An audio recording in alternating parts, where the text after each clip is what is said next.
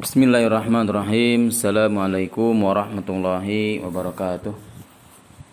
Innal hamdalillah nahmaduhu wa nasta'inuhu wa nastaghfiruh wa na'udzu billahi min sururi anfusina wa min sayyiati a'malina. Man yahdihillah fala mudhillalah wa man yudlil fala hadiyalah. Asyhadu an la ilaha illallah wahdahu la syarikalah wa asyhadu anna Muhammadan abduhu wa rasuluh. Amma ba'du. Alhamdulillah pada kesempatan kali ini kita akan mengawali membacakan hadis-hadis Rasulullah sallallahu alaihi wa alihi wasallam yang ada dalam kitab Adabul Mufrad. Kitab Adabul Mufrad adalah sebuah kitab yang mana kitab ini berisikan tentang hadis-hadis yang berkenaan dengan adab. Kitab ini adalah kumpulan dari hadis-hadis yang berkenaan dengan akhlak seorang muslim. Kitab ini dikarang oleh seorang ulama, seorang muhaddis yaitu Al-Imam Al-Bukhari.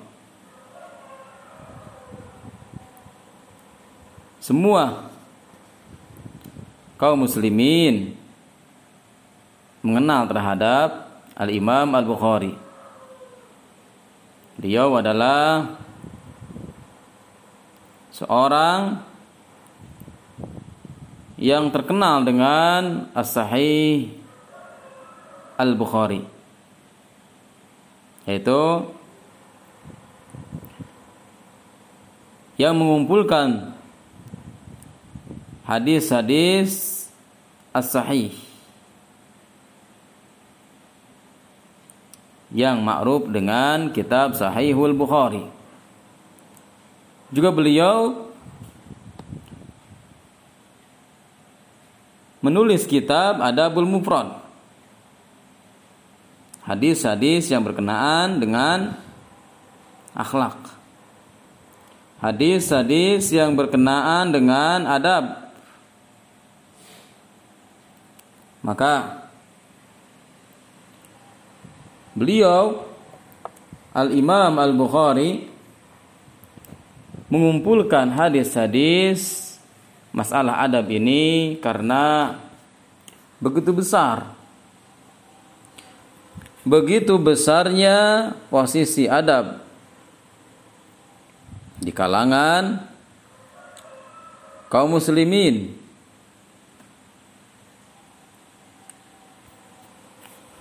Dan Al-Imam Asy-Syafi'i mengatakan barang siapa yang ingin Allah Subhanahu wa taala membukakan hatinya atau meneranginya maka hendaklah dia berkholwat atau menyendiri. Atau sedikit makan atau meninggalkan pergaulan dengan orang-orang bodoh. Dan membenci terhadap terhadap ahli ilmu yang memiliki sikap insyaf. Eh ataupun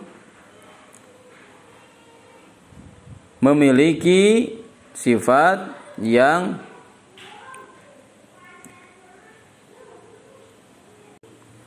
yang tidak memiliki adab.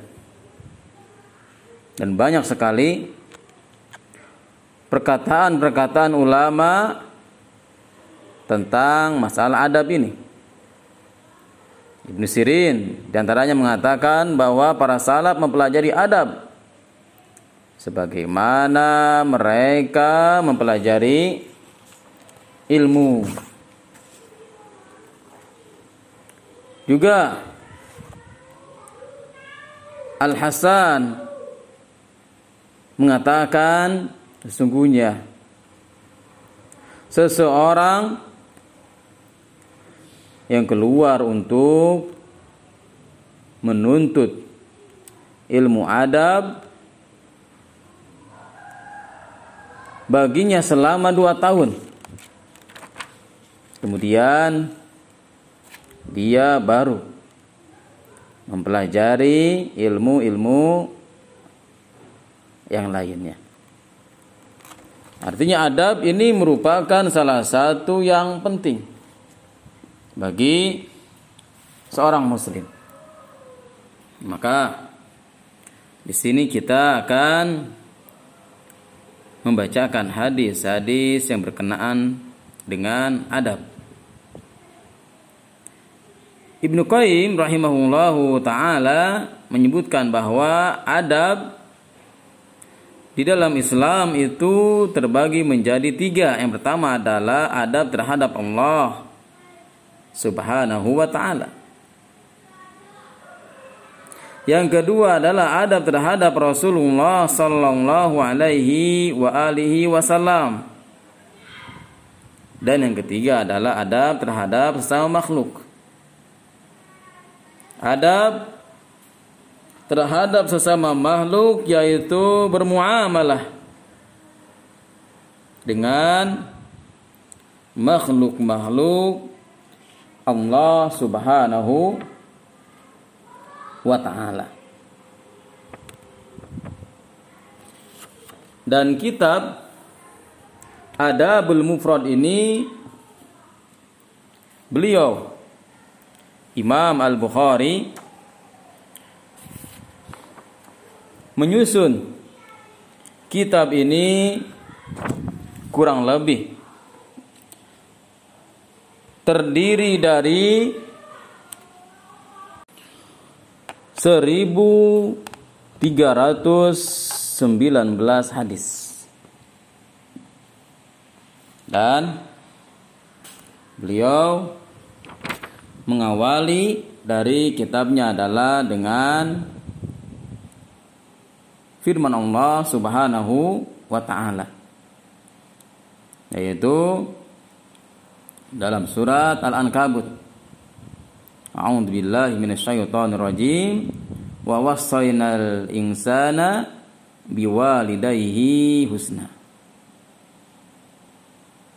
Dan kami wasiatkan kepada manusia biwalidayhi untuk bergaul dengan kedua orang tuanya. Husna dengan cara yang baik.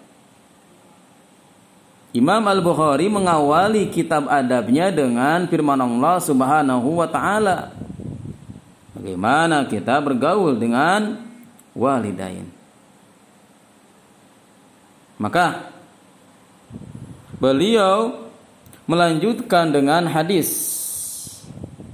Hadis An Nabi Amrin Asy-Syaibani qala dari Abu Amr Asyaibani berkata, Hadatsana sahibu hadhihi dari wa au ma'a biyadihi ila dari Abdullah yaitu berkata hadatsana sahibu hadhihi dar pemilik rumah ini Sambil beliau menunjuk. Menunjuk biyadihi ila dari Abdullah menunjuk kepada rumahnya Abdullah. Yang dimaksud adalah Abdullah bin Mas'ud. Qala berkata sa'altu nabiyya sallallahu alaihi wasallam. Aku bertanya kepada Nabi sallallahu alaihi wa alihi wasallam ayu amali ahabu ilallahi azza wa jalla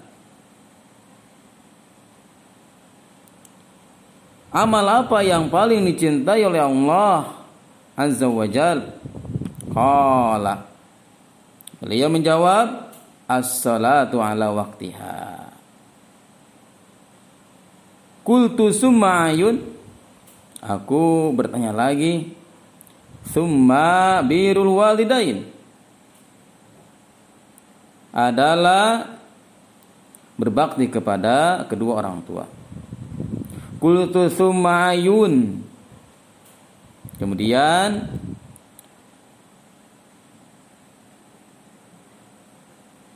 bertanya lagi Qala thumma al jihadu fi sabilillah.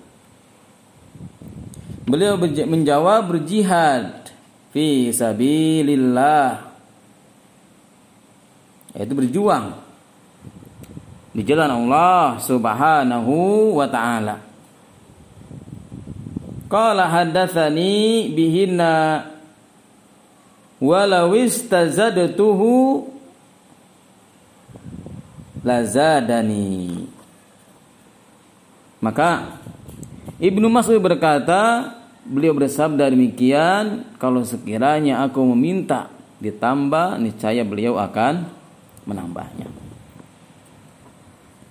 Hadis ini adalah hadis yang ada dalam kitab Adabul Mufrad dari hadis yang pertama ini. Maka dari hadis ini Rasulullah Shallallahu Alaihi wa alihi Wasallam mengatakan ahabbu. Ya. Ilallah maksudnya adalah Allah Subhanahu wa taala lebih mencintai. Karena ahabbu di sini adalah yang bermakna dari isim tafdil yaitu yang paling dicintai ilallah yang paling dicintai dan diridhai amalan tersebut dibanding dengan amalan-amalan yang lain. Lalu beliau mengatakan di sini albir. Albir adalah lawan daripada durhaka. Albir adalah diddu al-uquq. Yaitu lawan daripada durhaka. Al-uquq artinya adalah durhaka yaitu al-isaah. Ya. Al-uquq adalah al-isaah ilal walidaini. Berbuat jelek. Berbuat buruk. Kemudian juga termasuk di antaranya adalah idoah. Idoah ini adalah mengabaikan, menyia-nyiakan. Kemudian di sini Rasulullah Shallallahu Alaihi Wasallam mengatakan al jihadu jihad yaitu muharabatul kufar li'a'la'i kalimatillahi bin nafsi wal mal. Wa bi kulli ma yamlikuhu al muslim itu memerangi orang-orang kafir untuk meninggikan kalimat Allah Subhanahu wa taala dengan mengorbankan jiwa, harta dan seluruh yang ia miliki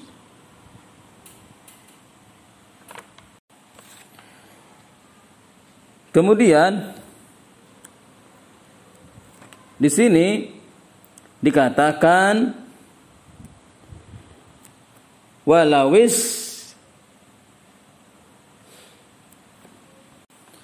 tazadatuhu yaitu seandainya aku meminta beliau untuk menguraikan untuk menguraikan lebih lanjut lagi berbagai kedudukan amalan yang paling utama niscaya lazadani. Niscaya beliau akan menambahkan. Maka hadis yang mulia ini mengandung beberapa faedah yang penting di antaranya adalah al-hasu yaitu perintah dorongan ala muhafadati ala salawati fi awqatiha. Itu perintah untuk senantiasa mengerjakan salat fi awqatiha.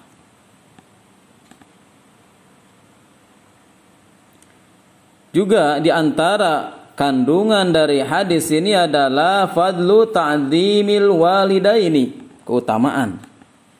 Daripada ta'zim.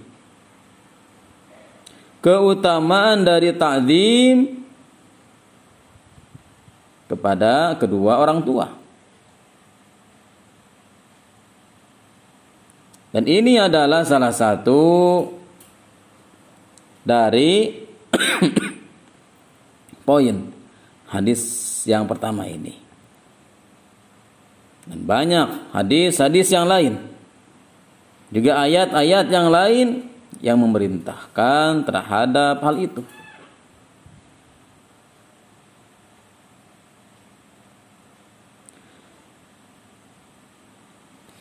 Yang selanjutnya adalah kandungan dari hadis ini adalah jawazu istimali lau bolehnya kita menggunakan kalimat lau seandainya. Ya bolehnya kita menggunakan kalimat lau kenapa dalilnya? Dalilnya adalah berdasarkan perkataan Abdullah ibnu Mas'ud. Walau istazadtuhu dan seandainya ya aku meminta. Ya. Laza dani. Maka boleh.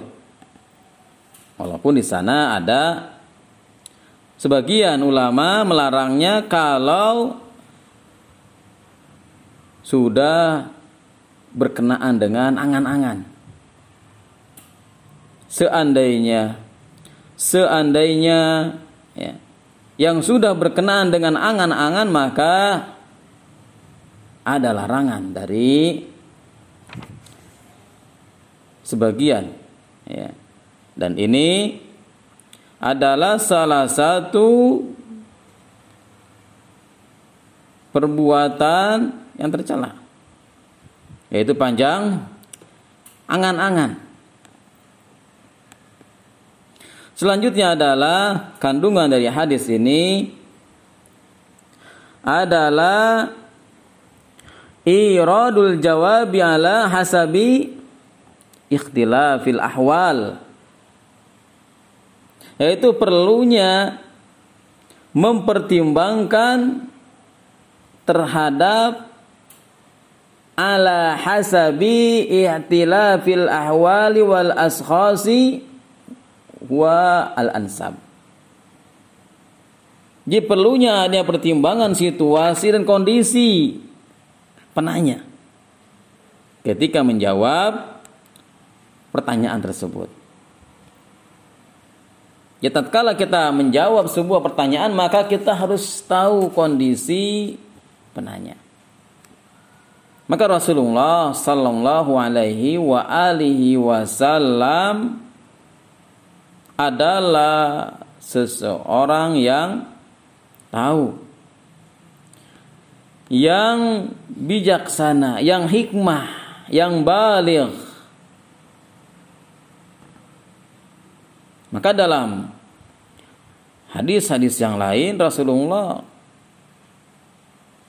ketika ditanya oleh para sahabat tentang sebuah amalan yang paling utama maka Rasulullah Shallallahu Alaihi Wasallam mengatakan birrul walidain.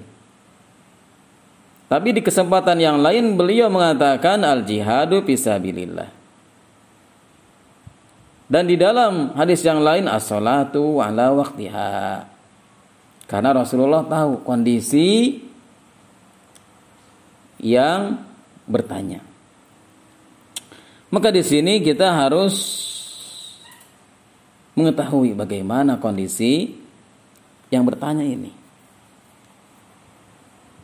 Jangan sampai jawaban dari seorang yang bertanya tersebut tidak pas dengan kondisi orang yang bertanya tersebut. Selanjutnya adalah kandungan dari hadis ini adalah subutu ta'dimi sahabati li rasuli sallallahu alaihi wasallam yaitu pengagungan para sahabat terhadap Rasulullah sallallahu alaihi wasallam. Dengan tidak apa? Kasratus soal ya, tidak banyak bertanya. Para sahabat mereka sangat takzim terhadap Rasulullah sallallahu alaihi wasallam.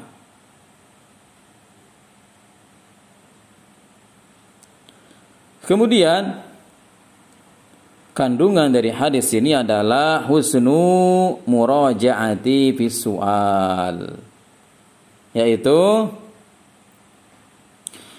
uh, salah satu. Ya, metode tanya jawab merupakan salah satu metode terbaik dalam apa mengulangi pelajaran. Murojaah husnul murojaah fi soal adanya tanya jawab dalam sebuah pelajaran. Karena dengan tanya jawab tersebut akan akan tahu bagaimana yang diinginkan penyakit yang di yang terdapat pada penanya tersebut.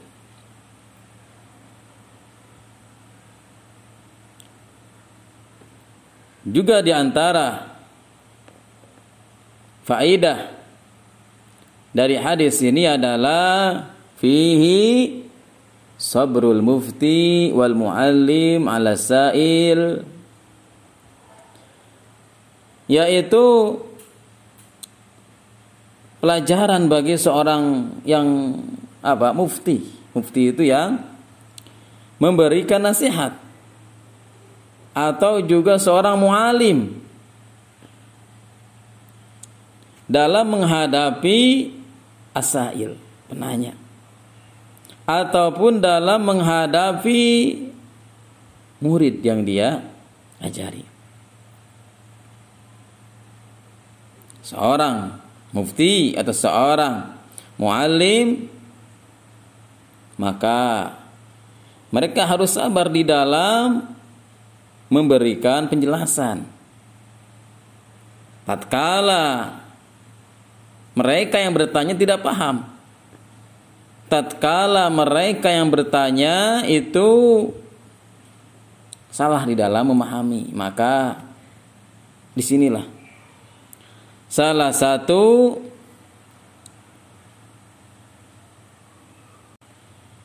yang dihadapi yaitu dengan kesabaran. Ini adalah hadis yang pertama dari kitab Adabul Mufrad dan ini merupakan uh, pertemuan pertama.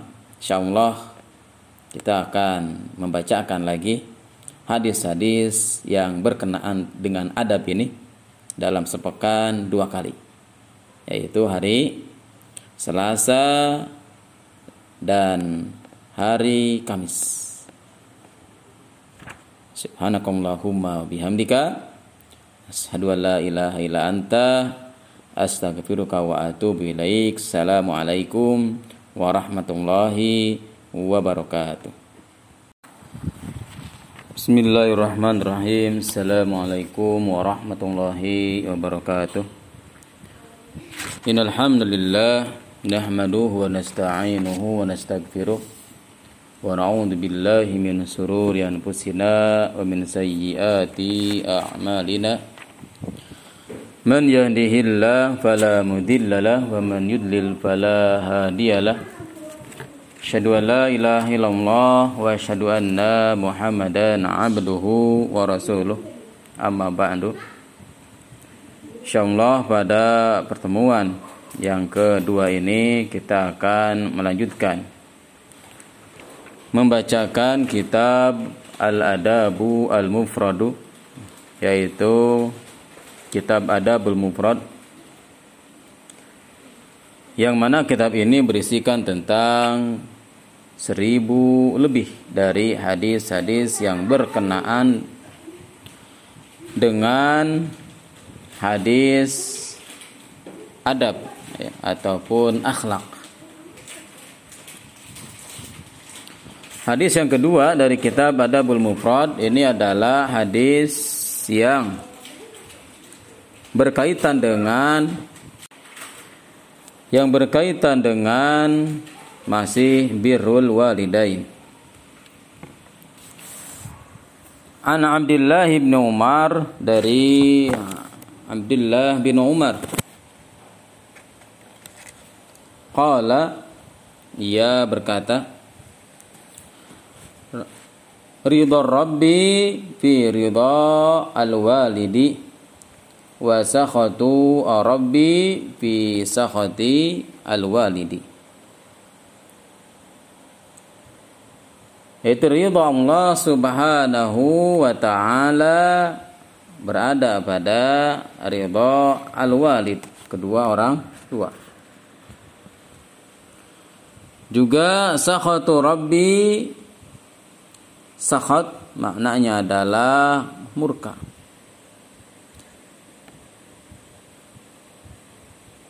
Yaitu sakhatu rabbi fi sakhati alwalid. Murkanya Allah subhanahu wa ta'ala berada pada murkanya alwalid pada hadis yang mulia ini Nabi Shallallahu Alaihi wa alihi Wasallam mengatakan ridha Rabbi fi ridha al walid ridhonya Allah Subhanahu wa taala tergantung pada ridhonya al walid walid dengan waw jadi wawnya di mad dipanjangkan tapi kalau wawunya dipendekkan menjadi anak, waladun anak. Walid itu adalah orang tua. Maka di sini yang dimaksud adalah walid, bukan walad. Maka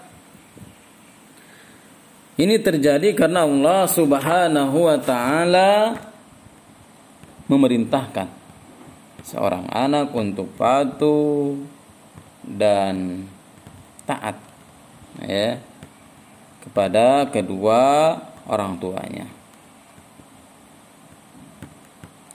Bahkan ini terjadi penekanan yaitu penekanan untuk memuliakan.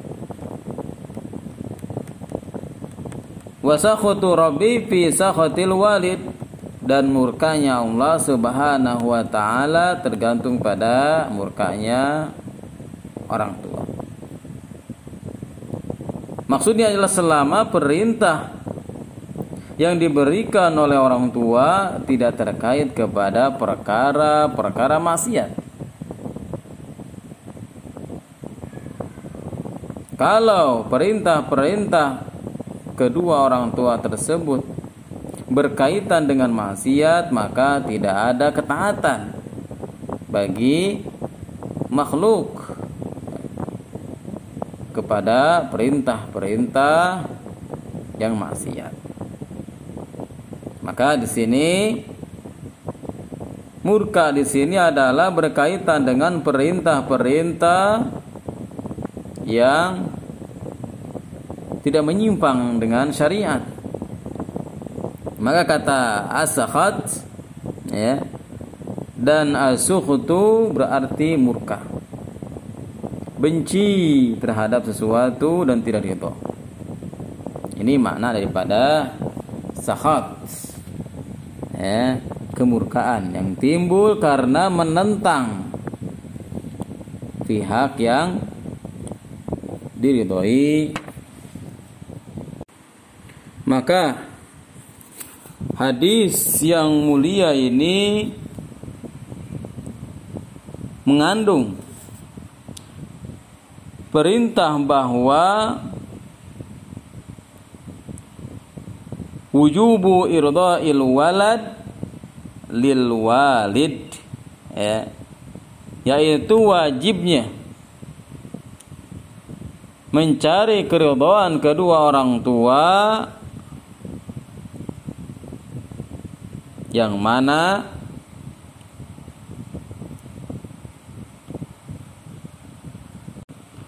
Sekaligus wa tahrimu iskhatihi. Yaitu larangan. Untuk melakukan segala sesuatu yang dapat memancing kemurkaan. Maka di sini Imam Al-Bukhari mengawali kitab Adabul Mufrad ini dengan berkaitan adab kita kepada kedua orang tua. Kemudian hadis yang ketiga. Hadis yang ketiga dari kitab Adabul Mufrad. Ini adalah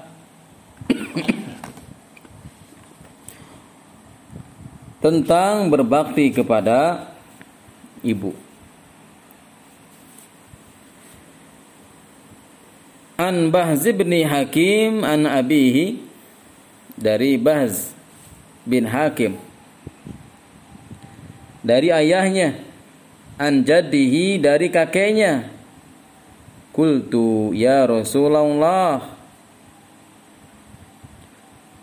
Ia berkata bahwasanya aku bertanya kepada Rasulullah sallallahu alaihi wasallam ya Rasulullah man abarru kepada siapa aku harus berbakti? Qala maka Rasulullah sallallahu alaihi wa alihi wasallam mengatakan ummaka. Kultu kemudian aku berkata lagi mana baru qala ummaka. Kultu wa man abarru qala abaka thumma al aqrab fal aqrab. Maka di sini kalimat ummu Rasulullah Shallallahu Alaihi wa alihi Wasallam menjadikan tiga kali. Ummaka ummaka ummaka. Ya. Kemudian abaka. Bapakmu. Summa al aqrab kemudian kepada orang yang memiliki hubungan kekerabatan. Fal akrab. Ya. Lalu orang yang paling dekat. Maka di dalam hadis ini Rasulullah sallallahu alaihi wa alihi wasallam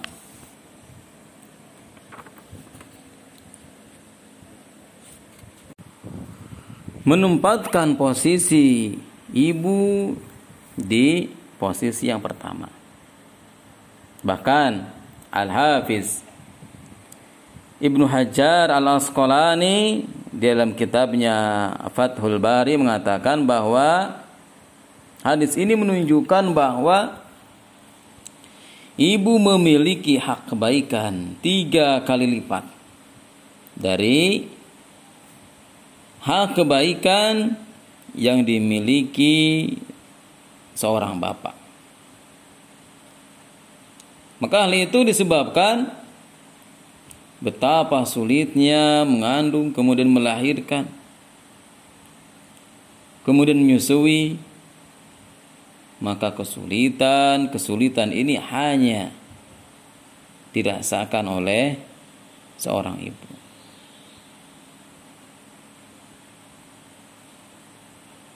Maka inilah salah satu penyebab Rasulullah sallallahu alaihi wa alihi wasallam menempatkan posisi yang pertama pada seorang ibu.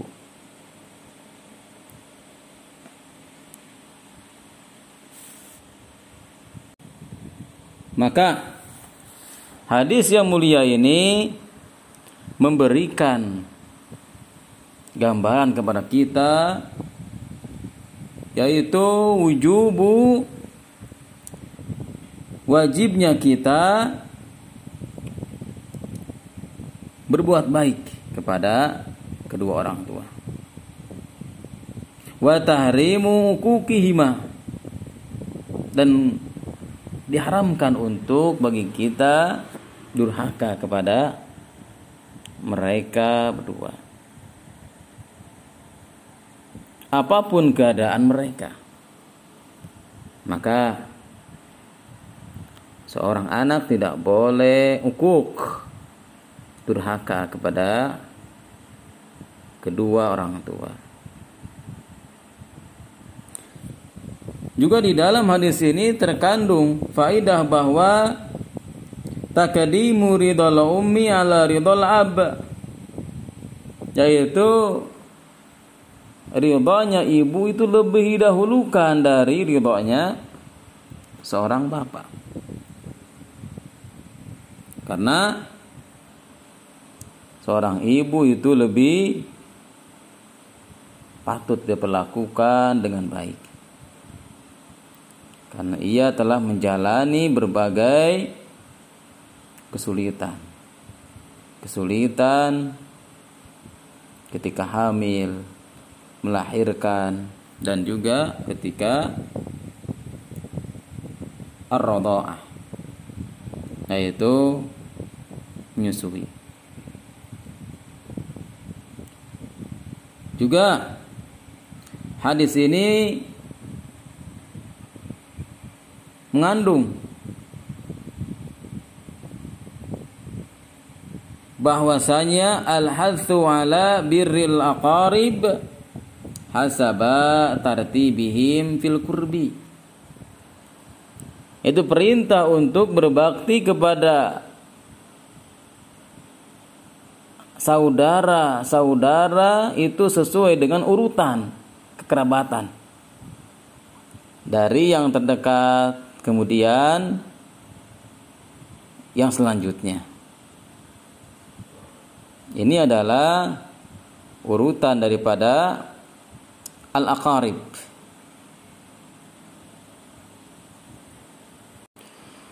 Kemudian hadis yang keempat. An Ibni Abbasin annahu atahu rajulun faqala dari Abdullah bin Abbas bahwa seorang laki-laki mendatangi Faqala Lalu dia berkata Inni khatibtu imra'atan. Aku meminang seorang perempuan. Fa'abat anta nakihani akan tetapi wanita itu menolak ya, antan kihani yaitu pinanganku wa khatabaha ghairi. Dan seseorang laki-laki datang meminangnya fa'ahabat antan kihahu dan dia menerimanya. Faqirtu alaiha faqatal tuha dan aku cemburu kepada wanita itu. Lalu fakotal tuha. Aku membunuhnya. Fahalli min taubatin. Apakah ada taubat untukku? Setelah dia membunuh orang yang mau dia ajak menikah dan dia tidak mau dan dia mau dipinang oleh orang lain. Maka dia mengatakan, "Fahal min taubatin, apakah ada taubat bagiku?" Qala maka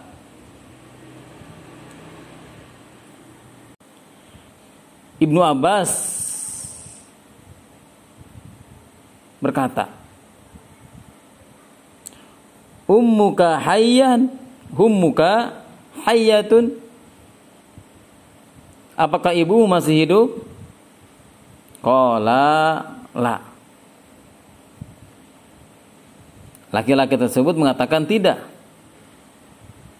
Qala tubilallahi azza wa jalla wa taqarrab ilaihi mastata'ta.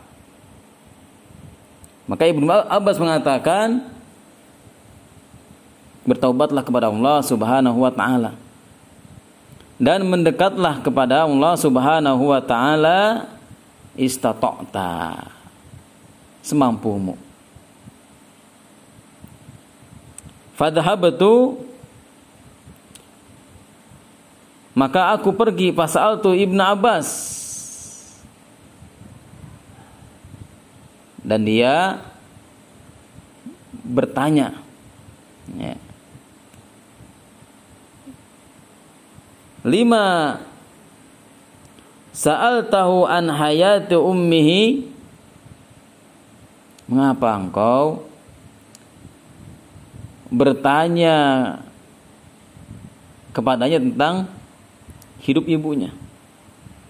Faqala inni la a'lamu amalan aqrabu ila Allahi min birril walidah. Maka Ibnu Abbas mengatakan bahwa Aku tidak tahu amalan yang paling mendekatkan seseorang kepada Allah Subhanahu wa taala min birril walidah. Selain dari berbakti kepada seorang ibu. Maka hadis yang mulia ini menunjukkan kepada derajat seorang ibu yang tinggi ini terlihat dari perkataan Ibnu Abbas. Tatkala ada orang yang membunuh lalu beliau mengatakan ummuka hayya ya. apakah ibumu masih hidup maksudnya adalah apakah ibumu masih ada Ini menunjukkan bahwa bakti kepada seorang ibu itu dapat melebur dosa pembunuhan. Seseorang membunuh dapat melebur dosanya dengan kita berbakti kepada seorang ibu. Tapi dengan syarat pelakunya bertobat dari dosa-dosa besar tersebut. Dan juga tentunya dia meminta maaf kepada keluarga keluarga yang ia bunuh. Maka selebihnya adalah berbakti kepada ibu. Dan di dalam hadis yang mulia ini kita bisa mengambil beberapa faidah. Di antaranya adalah jawazu khidbati rajul imra'atan yuridu zawajuha bolehnya seorang laki-laki datang melamar wanita untuk dinikahinya. Ini boleh. Apa pun yang akan dia lakukan, maksudnya apa pun yang terjadi, baik diterima ataupun ditolak, maka boleh seorang laki-laki datang melamar seorang wanita. Ini adalah dalil. Dalil tentang bolehnya. Juga di dalam hadis ini terkandung faidah bahwa inkarul maktubah az-zawaj ma'ahu illam tardabihi Hadis ini menunjukkan bahwa seorang wanita yang dilamar boleh menolak pinangan jika ia tidak menyetujuinya. Jadi nggak dosa bagi seorang perempuan untuk menolak lamaran seorang laki-laki.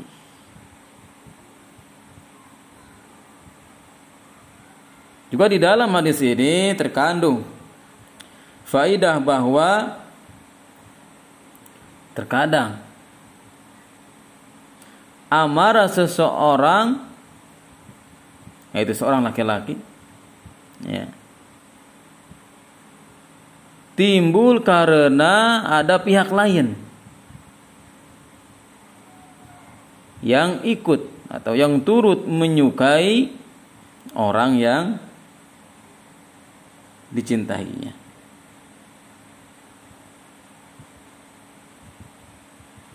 Maka ini adalah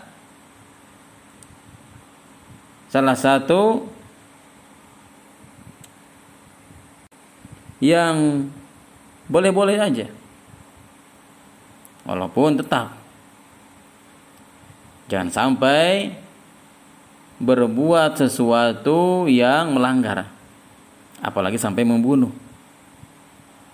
Sampai menyakiti Maka bagi seorang laki-laki yang mana ditolak oleh seorang perempuan maka biasa-biasa saja. Tidak melakukan hal-hal yang dilarang oleh syar'i. Sampai melakukan hal-hal yang menyakiti. Bahkan sampai melakukan pembunuhan. Ini dilarang di dalam syariat Islam. Juga di dalam hadis ini terkandung faidah bahwa seorang pembunuh itu seharusnya melakukan taubat. Ini taubat yang nasuha. Taubat yang betul-betul wa taqarrubu ilallahi mastata'a dan dia bertakarub mendekat kepada Allah Subhanahu wa taala semampunya. Dan ini wajib bagi seorang yang melakukan perbuatan-perbuatan maksiat. Wajib bertaubat dan mendekat kepada Allah Subhanahu taala. Dan di antara faidah dari hadis ini adalah birul um yukrabul insan al asi ta'ala akthar min ta'atil ukhra berbakti kepada ibu itu lebih dapat mendekatkan seorang pelaku maksiat kepada Allah Subhanahu wa taala dibanding bentuk ketaatan yang lain. Sampai-sampai berbakti kita kepada seorang ibu dapat menghapus, dapat melebur dari dosa pembunuhan. Ini salah satu keutamaan dari berbakti kepada seorang ibu. Maka wajib bagi kita kaum muslimin untuk menempatkan ibu-ibu kita di tempat yang mana kita memperlakukan mereka dengan penuh penghormatan dan memuliakannya. Tapi jelas kita tidak boleh berlebih-lebihan. Dan kita hanya taat di dalam hal-hal yang diperintahkan oleh syariat. Selama perintah perintahnya tidak menyimpang daripada syariat Islam, maka wajib diikuti. Dan apabila perintah-perintahnya menyimpang, maka tidak ada ketaatan bagi kita untuk melaksanakan. Ya, untuk mentaati perintah-perintahnya. Tetapi tetap kita wajib memuliakannya. Kita wajib menghormatinya. Taib, ini adalah hadis yang ke empat dari kitab Adabul Mufrad. Mudah-mudahan bermanfaat. Subhanakallahumma bihamdika asyhadu an la ilaha illa anta astaghfiruka wa atubu ilaik. Assalamualaikum warahmatullahi wabarakatuh. Bismillahirrahmanirrahim. Assalamualaikum warahmatullahi wabarakatuh. Innal hamdalillah nahmaduhu wa nasta'inuhu wa nastaghfiruh na'udzu billahi min sururi anfusina wa min sayyiati a'malina. Man yahdihillahu fala mudhillalah wa man yudlil fala hadiyalah asyhadu an la ilaha illallah wa asyhadu anna muhammadan abduhu wa rasuluh. Alhamdulillah pada pertemuan kali ini kita akan membacakan hadis-hadis dari kitab Adabul Mufrad yang insyaallah pada pertemuan kali ini kita akan membacakan hadis Rasulullah sallallahu alaihi wa alihi wasallam yaitu hadis yang ke lima An Abi Hurairah dari Abu Hurairah radhiyallahu an qala berkata Kila ya Rasulullah sallallahu alaihi wasallam. Ada yang bertanya Wahai Rasulullah Man abarru kepada siapa aku harus berbakti Qala maka Rasulullah Sallallahu alaihi wa alihi wasallam mengatakan Ummuka yaitu kepada ibumu. Qala kemudian laki-laki itu berkata berkata lagi.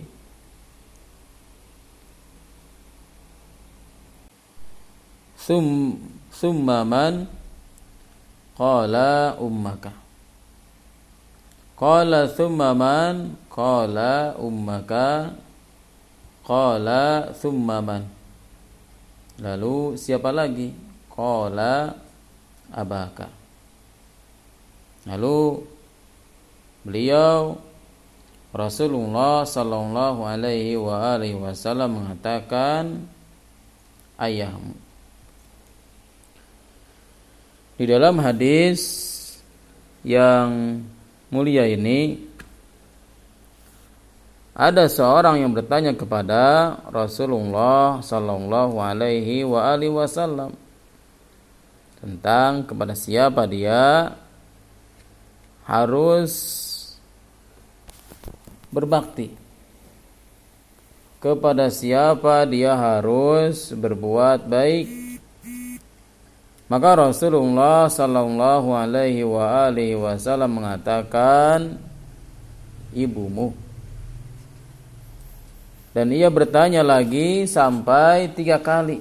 Maka Rasulullah sallallahu alaihi wa alihi wasallam mengatakan ibumu. Lalu yang keempat kalinya Rasulullah sallallahu alaihi wa alihi wasallam mengatakan ayahmu Ibnu As-Sayyid mengatakan bahwa ibu dalam bahasa Arab dinamakan dengan al-ummu yang secara bahasa berarti induk karena ibu merupakan asal usul anak. Maka kata ini digunakan untuk makna induk dari segala sesuatu. Sebagaimana Mekah dinamakan dengan Ummul Qura karena merupakan induk negeri-negeri yang lainnya. Dan lafad qala thumma man qala ummaka yaitu ia bertanya lalu kepada siapa lagi? Maka beliau menjawab ibumu. Maka kata ibu yaitu i'rabnya mansub. Dibaca mansub. Ummaka. Mansub di akhir kalimat tersebut. Yaitu huruf mimnya ummah maksudnya adalah didahulukan ibumu dalam berbakti. Yaitu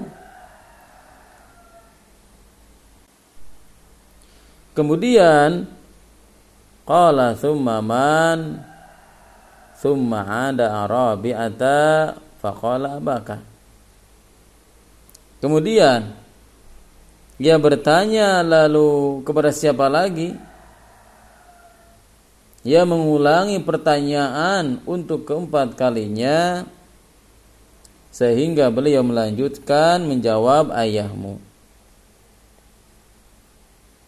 Al-Munawwi mengatakan bahwa ayah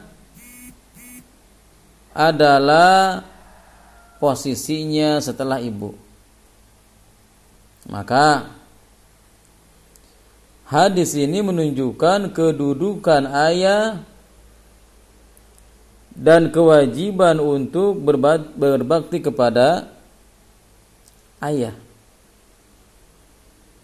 Maka untuk tujuan berbakti kepada ayahlah.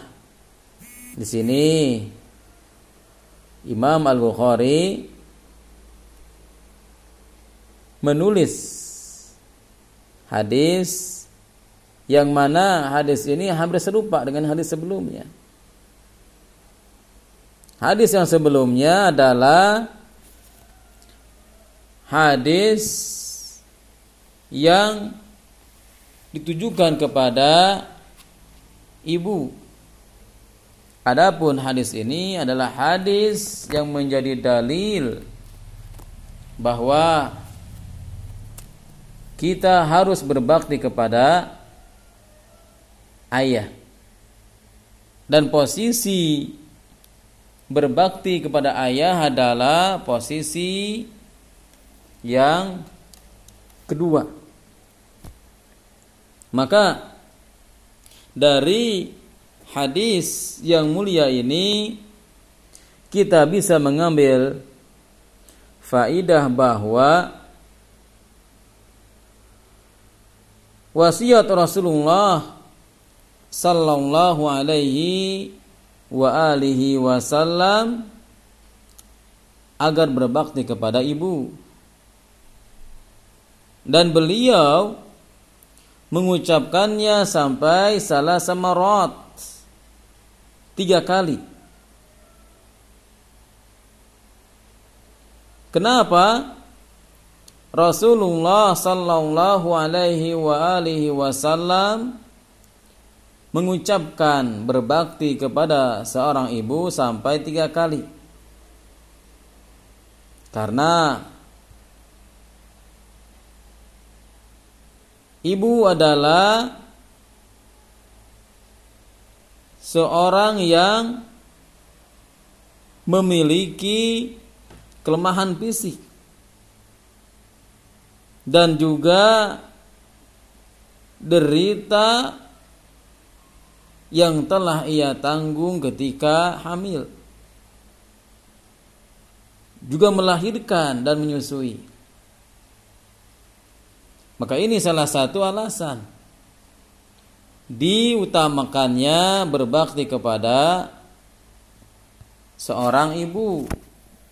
Walaupun tidak bisa kita memisahkan antara berbakti kita kepada seorang ibu dan kepada seorang ayah. Tidak bisa kita memisahkan antara keduanya antara kita berbakti kepada ibu kita dan kepada ayah kita. Juga di dalam hadis ini terkandung faidah bahwa al ummu muqaddimah fil birri alal abbi bi thalathi darajatin. Seorang ibu adalah didahulukan di dalam berbakti. Didahulukan di dalam berbakti dari ayah. Bahkan di sini sampai tiga kali. Kemudian yang ketiga kandungan dari hadis yang mulia ini adalah al ummu wal abu ahak bil birri min ghairihima min al aqarib thumma al aqrab fal aqrab seorang ibu dan seorang ayah merupakan kerabat yang paling berhak mendapatkan kebaikan dari anaknya dibandingkan dengan pihak kerabat kerabat yang lainnya.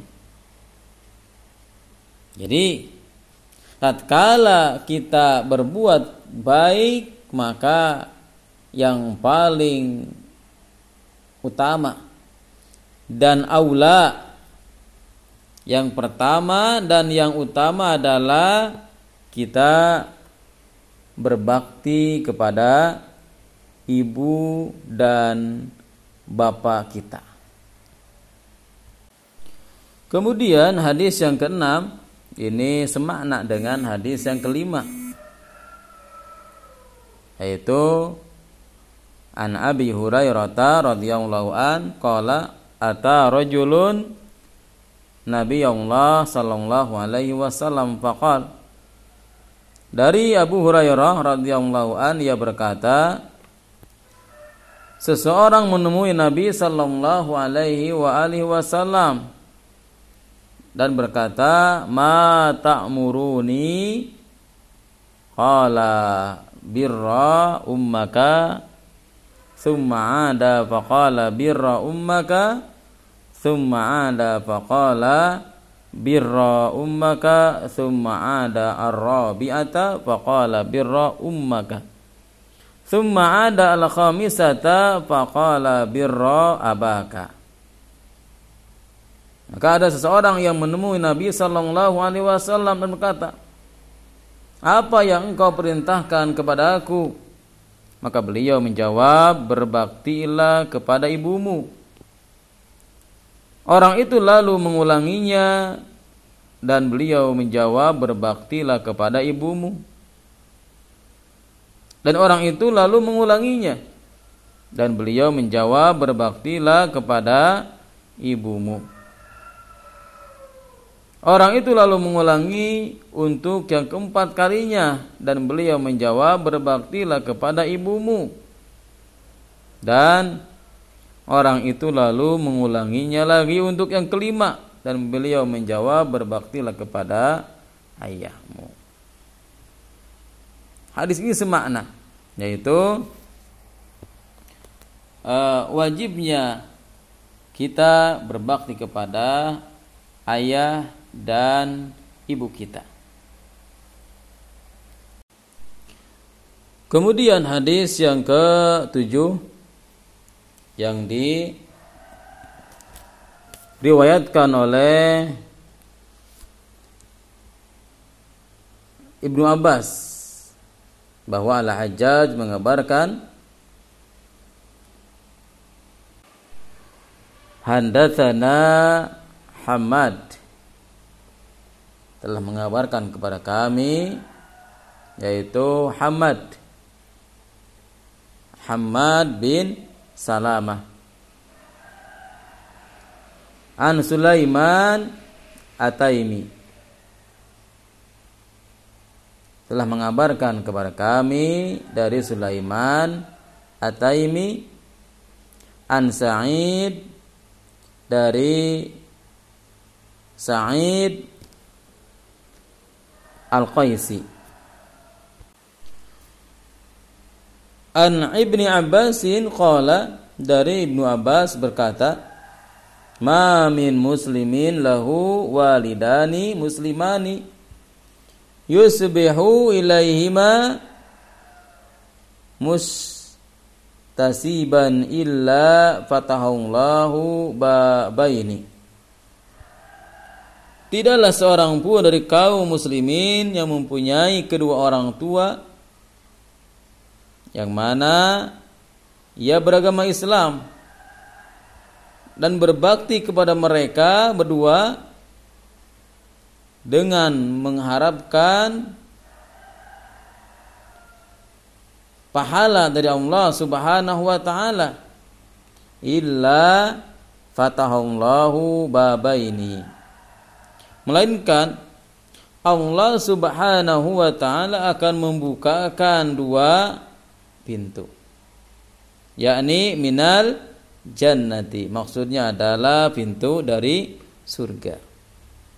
Wa in kana wahidan fawahid jika tinggal satu dari keduanya yang masih hidup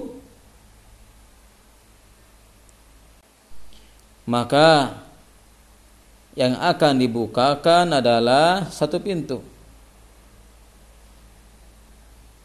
Wa in aghdaba ahaduhuma lam yaradallahu anhu hatta yarada anhu. Jika dia menjadikan salah satu di antaranya marah maka Allah tidak akan ridho sehingga orang tuanya ridho kepadanya. Kila wa in dolamahu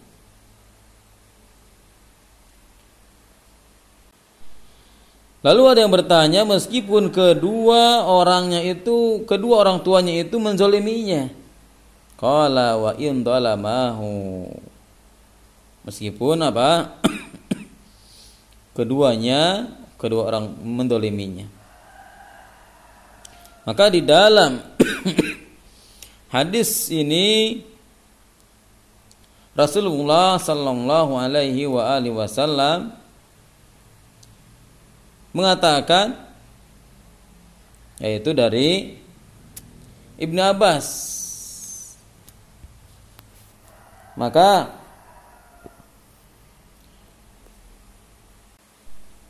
di dalam hadis ini katakan yusbihu ilaihima.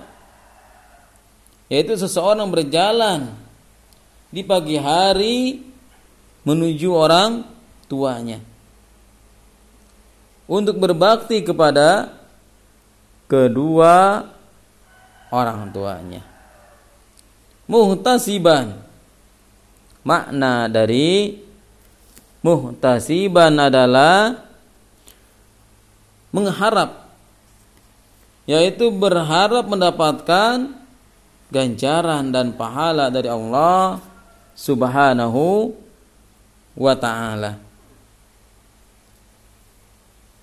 Adapun maksud daripada wa in dolamahu yaitu keduanya mendoliminya. Keduanya mendoliminya dalam berbagai perkara-perkara dunia. Maka tetap seorang anak harus berbakti kepada kedua orang tuanya. Maka di dalam hadis yang mulia ini kita bisa mengambil faidah bahwa birrul walidaini tariqun tariqu mumahadin ilal jannati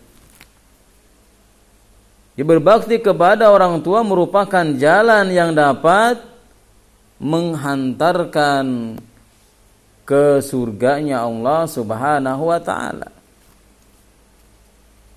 Jika kita ingin masuk surganya Allah Subhanahu wa taala maka berbakti kepada kedua orang tua kita. Berbakti kepada kedua orang tua kita wa in dolama walaupun keduanya mendolimi.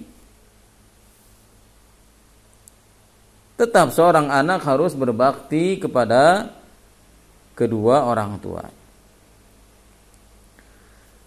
Selanjutnya faedah dari hadis ini adalah ukukul walidaini mujibun linnari. Durhaka kepada kedua orang tua dapat menjerumuskan seseorang ke dalam neraka. Ukuk itu bisa dilakukan dengan berbagai hal. Bisa dengan ucapan, bisa dengan perbuatan.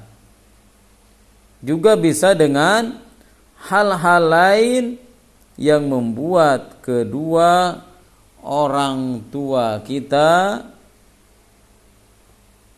sakit hati ataupun kedua orang tua kita merasa didolimi akan tetapi sekali lagi kita hanya mentaati perintah kedua orang tua kita dalam ketaatan kepada Allah Subhanahu wa taala. Apabila kedua orang tua kita menyuruh kepada kemaksiatan, maka tidak boleh kita untuk melaksanakannya. Kita taat kepada kedua orang tua kita dalam hal yang diridhoi oleh Allah Subhanahu wa taala.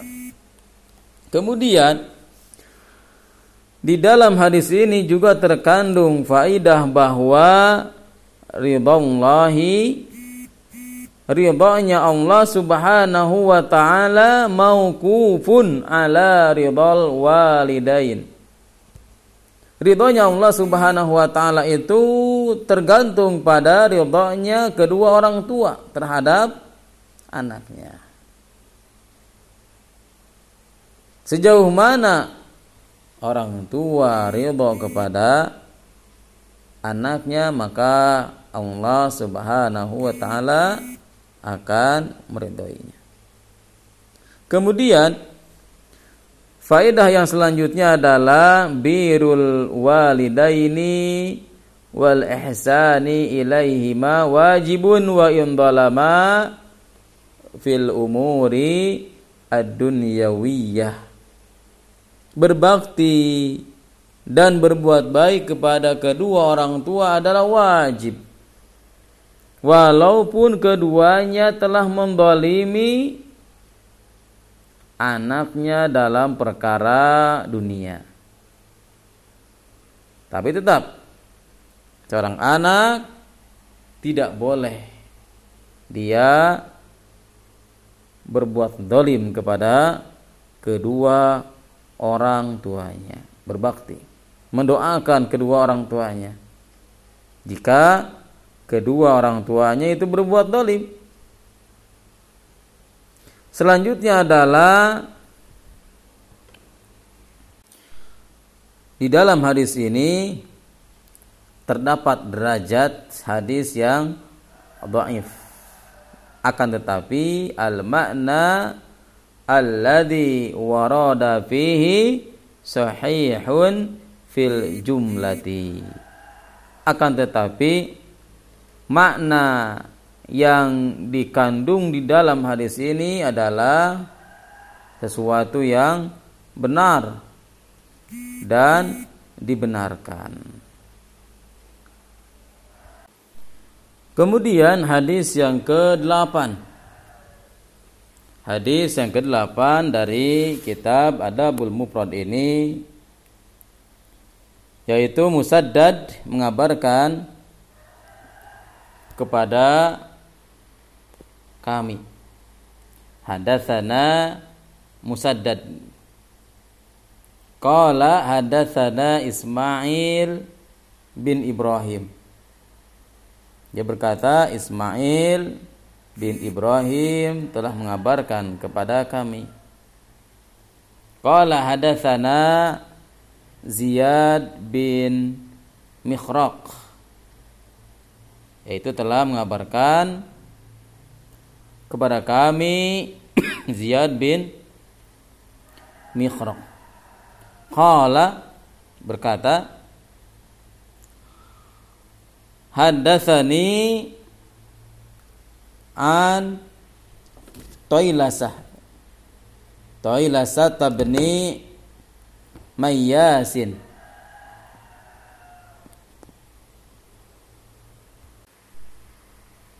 Qala kuntu ma'a an-najadat dari Taisalah bin Mayyas ia berkata aku pernah tinggal bersama Najdat. Fa'as fa'asabtu dunuban la araha illa minal kabair. Lalu aku melakukan perbuatan dosa yang mana aku lihat ini termasuk dosa besar. Fadakartu dalika libni Umar. Maka aku sampaikan hal tersebut kepada Ibnu Umar. Qala ma? Maka ia bertanya apa itu? Kultu kada wa kada. Maka aku pun menceritakan tentang perbuatan itu. Qala laisat hadhihi minal kabair. Maka hal tersebut tidaklah termasuk dosa besar. Kemudian hunna tis'un. Yang mana dosa besar itu ada sembilan. Al-isyraku billahi. Yang pertama adalah menyekutukan Allah Subhanahu wa taala. Yang kedua adalah waqatlu nasmatin yaitu membunuh orang yang lari dari pertempuran.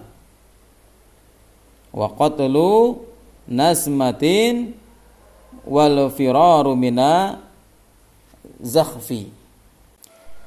Yaitu yang kedua membunuh orang.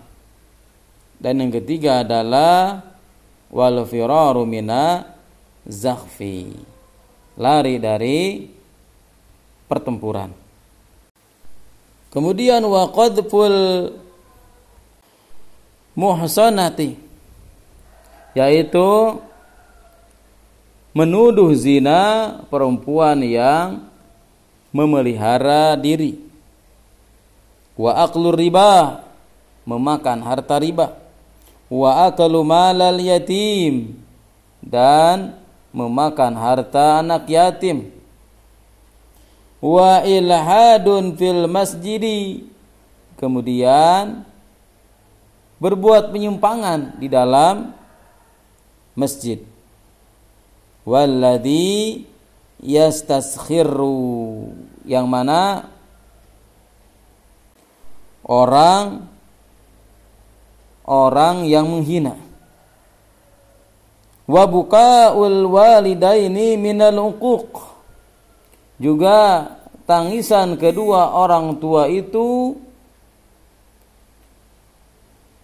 merupakan bagian dari kedurhakaan. Wa buka'ul walidaini minal uquqi. Qala li ibnu umar. Kemudian ibnu umar bertanya kepada aku atafarraqun nara wa tuhibbu an tadkhulal jannah. Apakah engkau takut masuk neraka dan ingin masuk surga? Kultu i wallahi qala ahayyun walidaka? Maka ia menjawab ya demi Allah ia bertanya apakah kedua orang tuamu masih hidup? Kultu indi umi. Maka ia menjawab aku masih memiliki ibu. Qala fa wallahi law alanta lahal kalam wa at'amta hal ta'am la tadkhulannal jannata maj tanabtal kabaira. Maka demi Allah seandainya engkau melembutkan tutur katamu kepadanya dan memberinya makan maka engkau benar-benar akan masuk surga selama engkau menjauhi dosa-dosa besar. Di dalam hadis yang mulia ini kita bisa mengambil beberapa pelajaran tentang bagaimana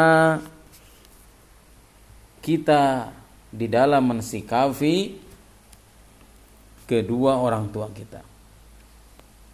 Maka di sini di dalam hadis ini beliau mengatakan kuntu ma'a najadat.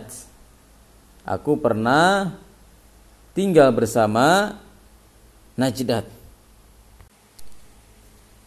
Adapun Najdat adalah ashabu Najdatin yaitu pengikut daripada Najat bin Amir ya, Al-Khari Al-Khariji An-Najdat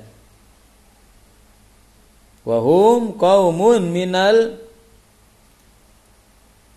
khururiyah dan mereka adalah salah satu kelompok daripada orang-orang khawarij. Orang-orang khawarij.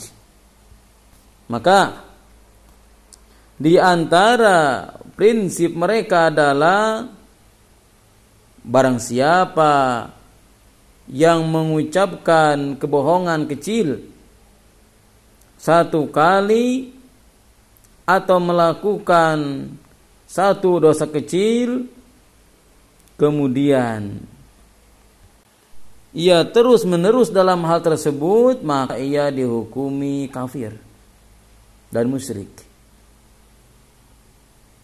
ini adalah salah satu pemahaman mereka dan mereka juga mengatakan bahwa para pelaku dosa-dosa besar di antara mereka itu adalah bukan kafir. Sedangkan para pelaku dosa-dosa besar dari selain kelompok mereka maka dihukumi kafir. Al-kabair yaitu hiya ad-dunubu allati warada fiha haddun aw wa'idun syadidun Kabair adalah jenis dosa yang pelakunya diancam dengan had atau disiksa dengan syadid dengan pedih dan ia merupakan perbuatan buruk dari dosa-dosa yang dilarang secara syariat. Serta memiliki perkara yang sangat besar yaitu seperti membunuh berzina melarikan diri dari pertempuran serta perbuatan-perbuatan lainnya. Yang semua itu merupakan bagian dari sifat-sifat yang mana mengasa dosa besar. Maka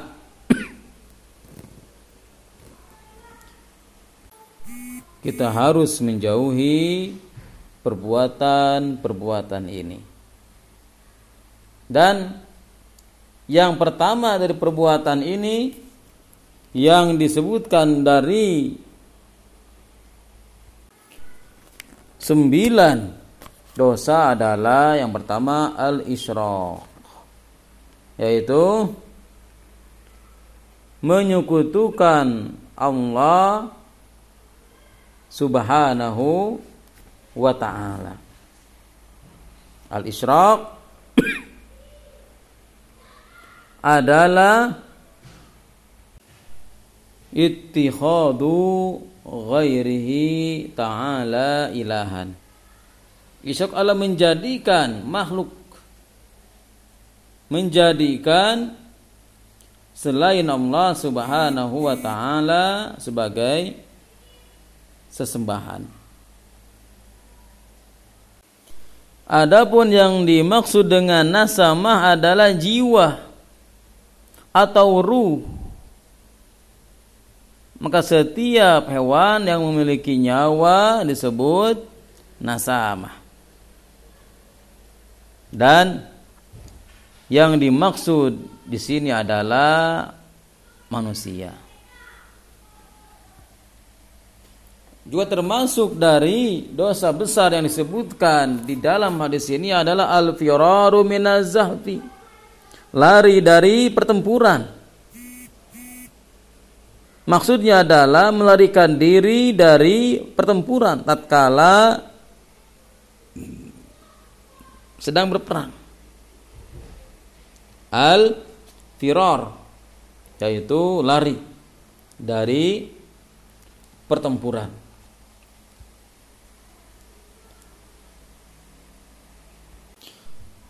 Adapun yang dimaksud dengan azahpu adalah sendiri. Maksudnya adalah berjalan menuju musuh. Azahfu berperang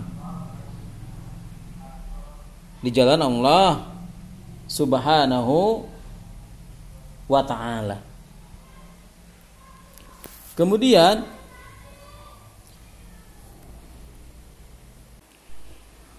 yang termasuk dosa besar dari hadis ini adalah qadfu al-muhsanah. Qadfu al-muhsanah adalah ittihamul afifah bizina. Itu menuduh wanita yang menjaga kesucian dirinya bahwa ia telah melakukan perzinahan. Mereka menuduh berzina perempuan yang memelihara kesucian. Dan kata al-qadfu adalah akar maknanya melempar. Kemudian kata ini digunakan untuk makna tujuan berzina. Al-muhsanah adalah diambil dari kata ihsan yang berarti pemeliharaan dan akar maknanya adalah mencegah. Maka seorang perempuan terpelihara dengan Islam, akhlaknya yang bersih, merdeka, Maka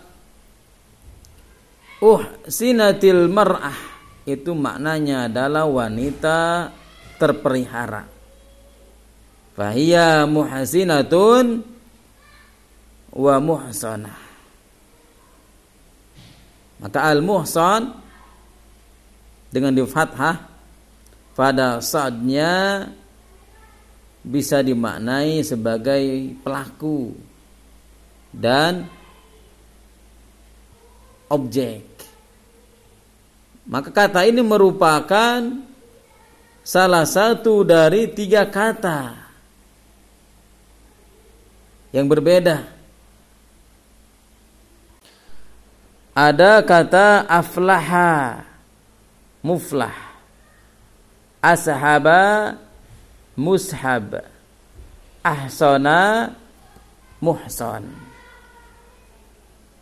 Maka Ibnu Hajar. Di dalam kitab Fathul Bari mengatakan bahwa bab tentang tuduhan jina terhadap perempuan perempuan yang memelihara diri maksudnya adalah menuduh mereka berzina dan yang maksud dengan muhsana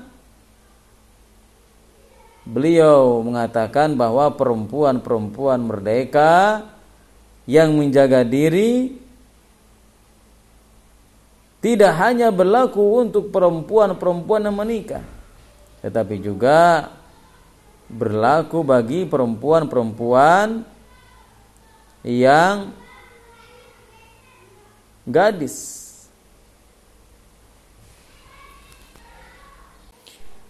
Dan beliau mengatakan Ibnu Hajar Al-Asqalani maka telah menjadi ijma bahwa hukum menuduh jinah terhadap laki-laki yang muhsan itu sama seperti hukum menuduh jina perempuan yang muhsanah. Kemudian di dalam hadis ini dikatakan wa aklu riba wa aklu malal yatim. Memakan harta riba memakan harta anak yatim. Al-Hafidh Ibnu Hajar Al-Asqalani mengatakan dalam kitab Fathul Bari dalam bahasan tentang wasiat mengatakan bahwa pembawa wasiat boleh mengelola harta anak yatim dan memakan darinya sesuai dengan kadar pekerjaannya. Dan beliau menyebutkan pendapat-pendapat para ulama yang mana ini bisa kita lihat di dalam penjelasan beliau kitab Fathul Bari Bismillahirrahmanirrahim. Assalamualaikum warahmatullahi wabarakatuh. Innalhamdulillah Nahmaduhu wa nasta'inuhu wa nasta'gfiruh. Wa na'udhu billahi min sururi anfusina Wa min sayyiati a'malina. Man yahdihillah fala mudilla Wa man yudlil fala hadiyalah Asyhadu an la ilaha illallah wa asyhadu anna Muhammadan abduhu wa rasuluh Alhamdulillah pada kesempatan hari ini kita melanjutkan kembali pembahasan tentang kitab Adabul Mufrad. Insyaallah pada kali ini kita memasuki hadis yang ke-9 An Urwah dari Urwah qala berkata wahfid lahuma janaha dhulli minar rahmah. Rendahkanlah dirimu terhadap keduanya. Maksudnya adalah terhadap ibu dan bapak.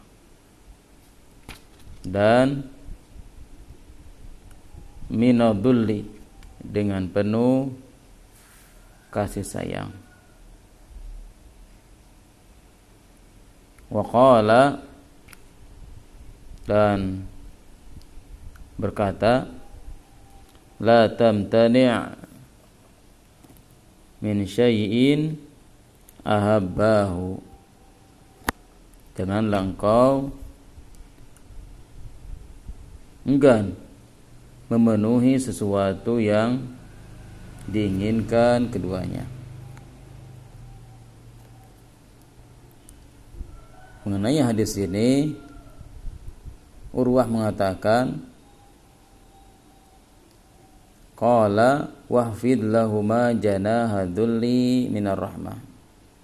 Ini adalah firman Allah Subhanahu wa taala dalam surat Al-Isra.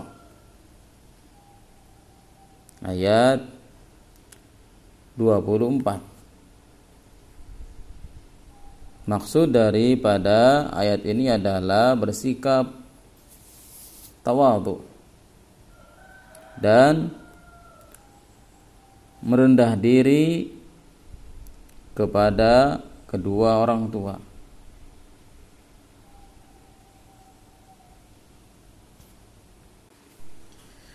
Kemudian la tamtani janganlah engkau enggan. Untuk memenuhi. Maksudnya adalah janganlah engkau enggan untuk menjalankan perintah perintahnya.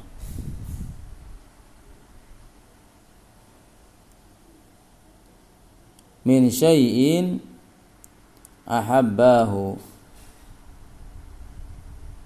sesuatu yang diinginkan keduanya selama tidak terkait dengan perkara maksiat. Hadis yang mulia ini adalah masih berkenaan dengan sikap seorang anak terhadap kedua orang tuanya dan kalimat waqfid lahuma janahadzulli adalah kiasan untuk menggambarkan kerendahan hati dan kelembutan yang sangat. Bahwa janah di sini digunakan untuk makna yang hakiki. Karena dalam bahasa Arab kata ini digunakan secara hakiki untuk makna tangan. Juga untuk makna lengan. Juga untuk makna ketiak manusia. Hal ini disebutkan oleh Allah Subhanahu wa taala dalam surat Al-Qasas wadmum ilaika janahaka minar rahbi dan dekapanlah kedua tanganmu jika engkau takut. Maka kata al-khafdu akarnya adalah ikhfad digunakan untuk makna yang hakiki yaitu lawan daripada mengangkat. Karena orang yang ingin melakukan tindakan kekerasan itu mengangkat kedua tangannya. Dan orang yang hendak menunjukkan sikap merendah dan tawadu itu merendahkan kedua tangannya. Maka dengan demikian perintah untuk merendahkan tangan kepada kedua orang tua merupakan kiasan mengenai perilaku lembah lembut dan sikap tawadu kepada mereka berdua. Sebagaimana firman Allah Subhanahu wa taala. Kepada Nabi sallallahu alaihi wa alihi wasallam waqfid janahaka lil mu'minin. Dan berendah hatilah engkau kepada orang-orang mukmin maka masyarakat Arab menggunakan ungkapan ini sebagai kiasan untuk sikap tawadhu dan lembah lembut. Dan ini merupakan ungkapan yang masyhur di antara mereka. Dalam syair. Orang-orang Arab dikatakan wa anta syahiru bi khafdil janah fala taku fi rab'ihi ajdala engkaulah yang dikenal merendahkan sayap.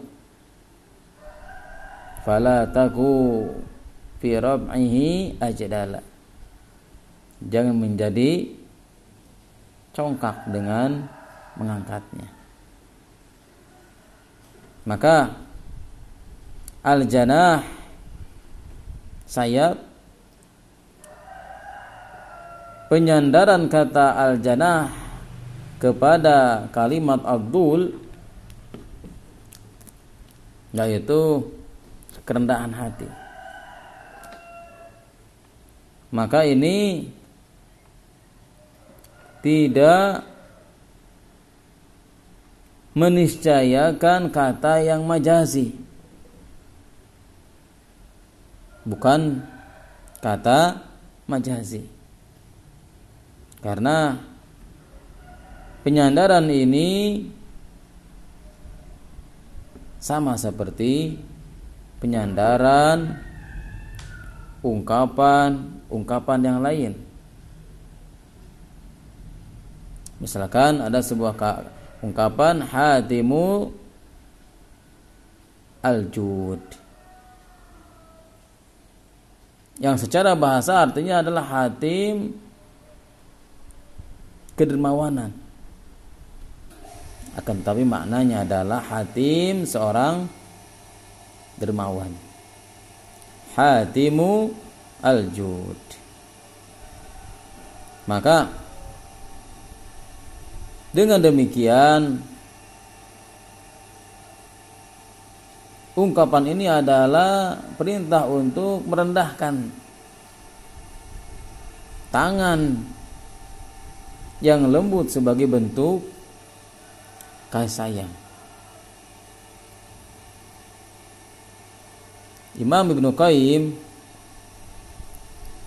mengatakan bahwa penyandaran kata al-janah kepada Abdul adalah bahwa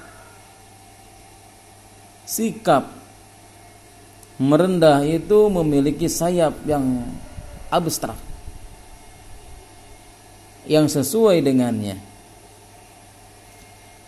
Bukan sayap yang berbulu.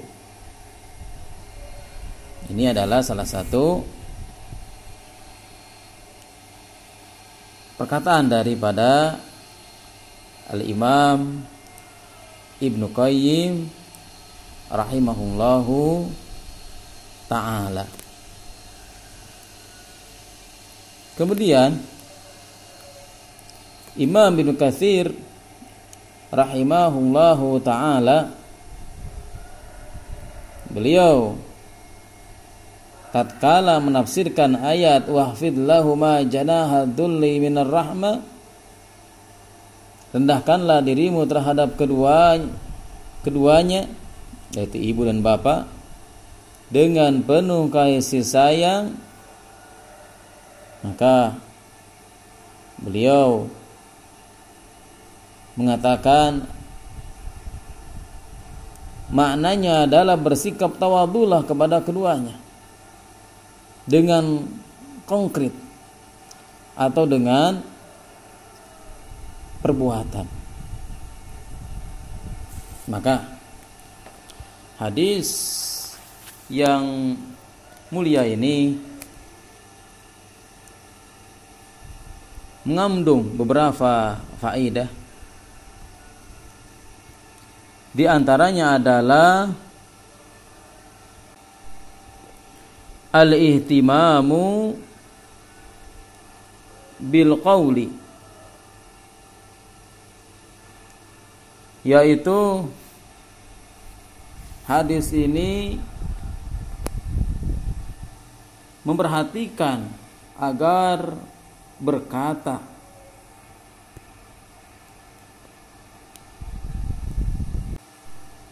wal husni wal fi'li wal husni ma'al walidain yaitu agar ihtimam memperhatikan agar berkata dan berlaku baik kepada kedua orang tua. Juga hadis ini mempunyai faedah bahwa tahqiqu ragabatil walidaini al-masyru'ati wajibun 'alal aulad. Yaitu tahqiq salah satu bentuk dari berbakti kepada orang tua adalah menjaga memuliakan, menghormati dan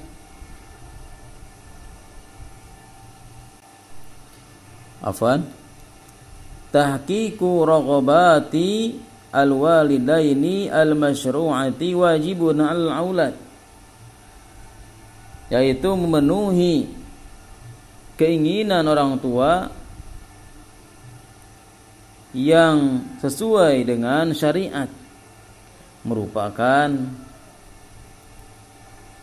kewajiban bagi seorang anak.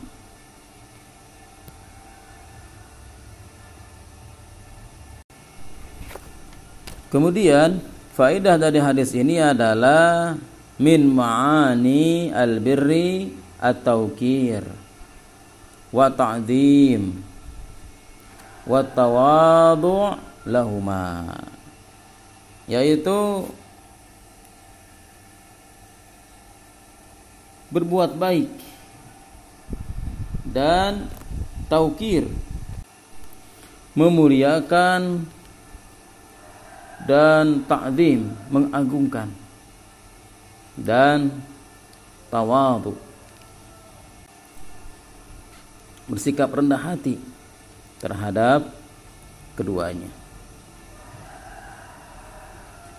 kemudian hadis yang selanjutnya dari kitab Adabul Mufrad ini adalah hadis yang ke-10 An Abi Hurairah dari Abu Hurairah radhiyallahu an. An Nabi sallallahu alaihi wa alihi wasallam dari Nabi sallallahu alaihi wa alihi wasallam qala beliau bersabda lamma yajzi waladun walidahu illa an yajidahu mamlukan fayashtariyahu fayu'tiqahu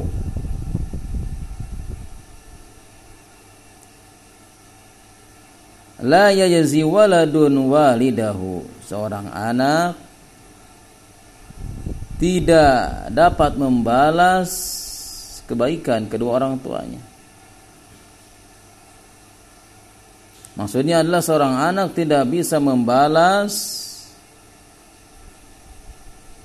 kebaikan budi pekerti orang tuanya.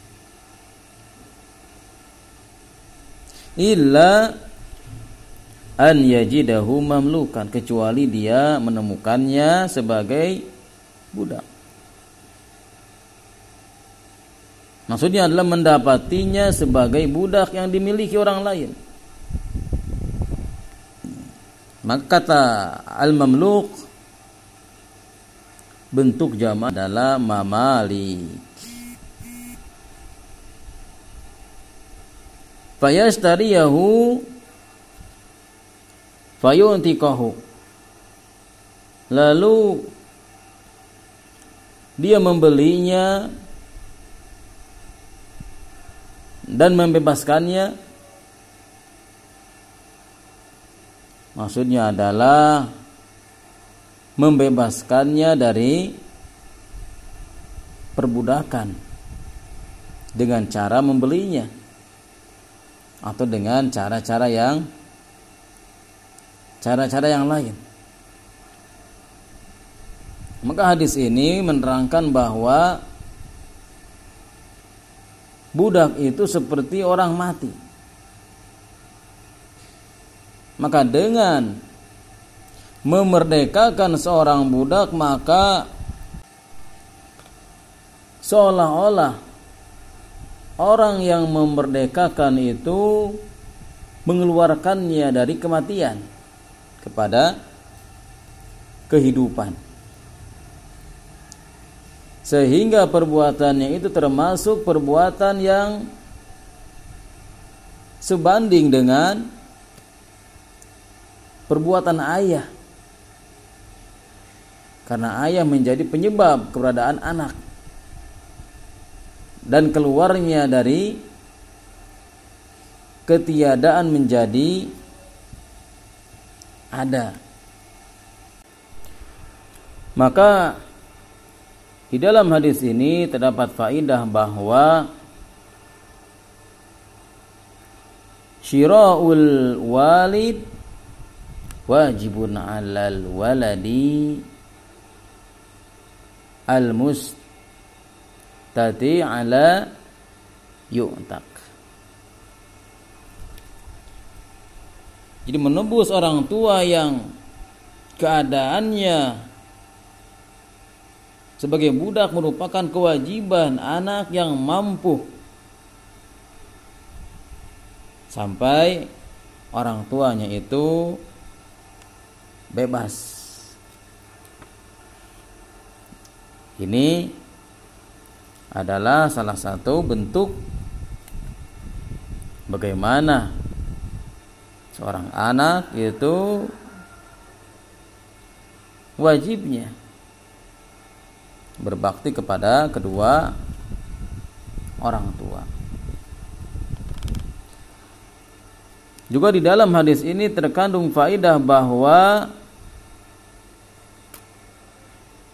memerdekakan budak itu sudah sah. Hanya dengan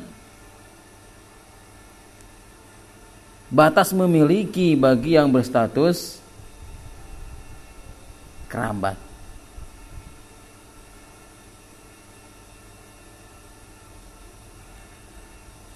Juga di dalam hadis ini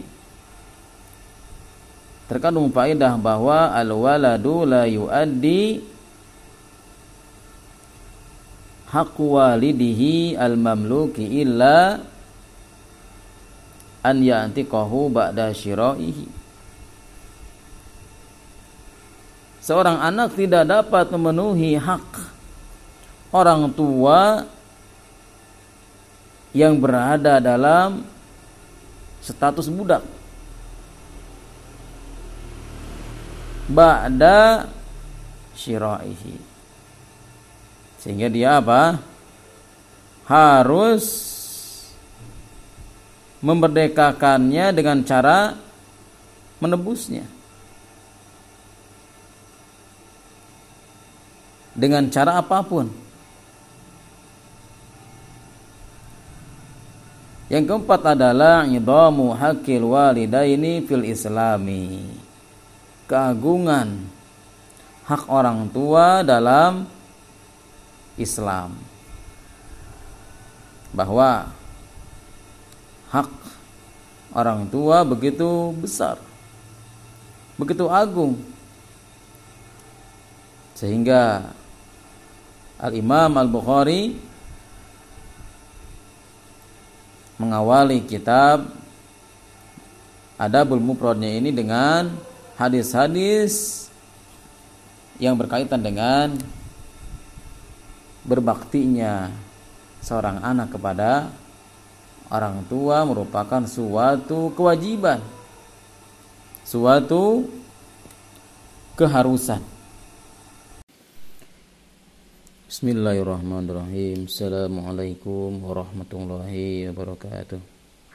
Innalhamdulillah Nahmaduhu wa nasta'inuhu wa nasta'gfiruh Wa na'udhu billahi min sururi anfusina Wa min sayyiati a'malina Man yahdihillah fala mudhillalah Wa man yudlil fala hadiyalah Asyadu an la ilaha illallah وأشهد أن محمدا عبده ورسوله أما بعد Hadis yang ke-19 dari kitab Adabul Mufrad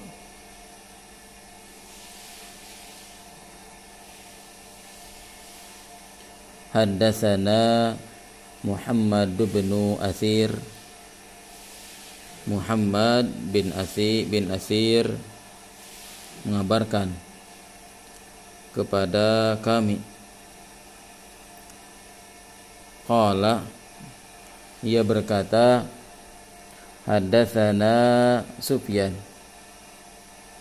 Sufyan mengabarkan kepada kami an apa bin Sa'ib. Dari apa bin Asaib an abihi. Dari bapaknya. An Abdullah bin Amrin qala dari Abdullah bin Amr ia berkata Ja'a rajulun ila Nabi sallallahu alaihi wasallam. Seorang laki-laki menemui Nabi sallallahu alaihi wa alihi wasallam dan berkata, "Ji'tu ubayyuka 'alal hijrati." Aku datang kepadamu untuk berhijrah.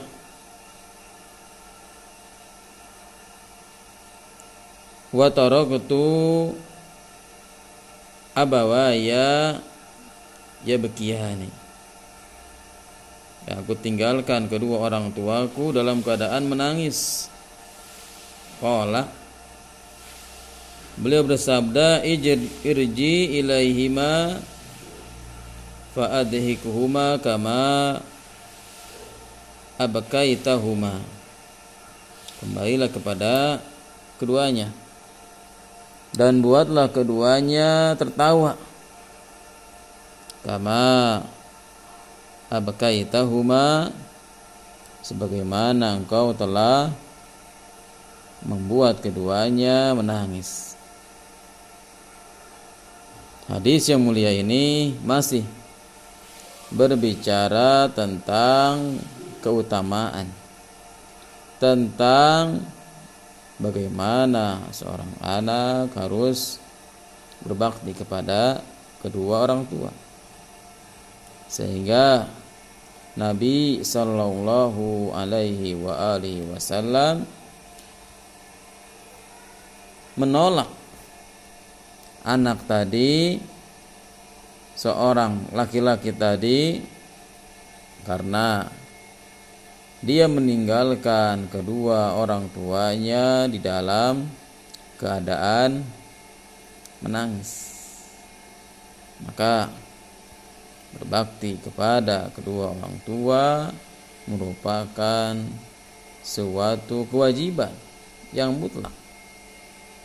Tidak boleh seorang anak membuat sedih, membuat sakit hati kedua orang tuanya. Selanjutnya hadis yang ke-19. Hadis yang ke-20. Hadis yang ke-20 yaitu an Abdullah ibni Amrin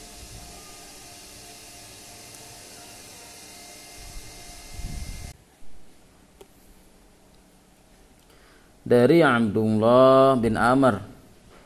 Kala dia berkata, Ja'a rajulun. Datang laki-laki ila Nabi sallallahu alaihi wasallam. Datang laki-laki kepada Nabi sallallahu alaihi wa alihi wasallam yuridu al jihad dia dengan niat untuk ikut berjihad. Faqala maka Nabi sallallahu alaihi wa alihi wasallam berkata, "Ahayyun walidak?" Apakah kedua orang tuamu masih hidup? Faqala na'am. Ya. Faqala fa fihima fajahid. Maka Rasulullah sallallahu alaihi wa alihi wasallam mengatakan fa fihima fajahid. Pada keduanya hendaklah engkau berjihad. Imam An-Nawawi rahimahullahu taala mengatakan bahwa mayoritas ulama berpendapat bahwa seorang anak haram. Melakukan jihad.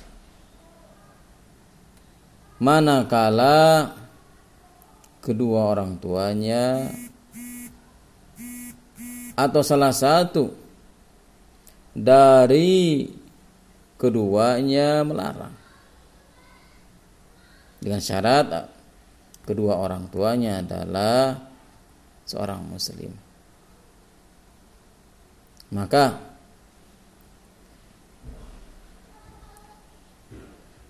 maksud daripada ayat ini adalah maksud daripada hadis ini adalah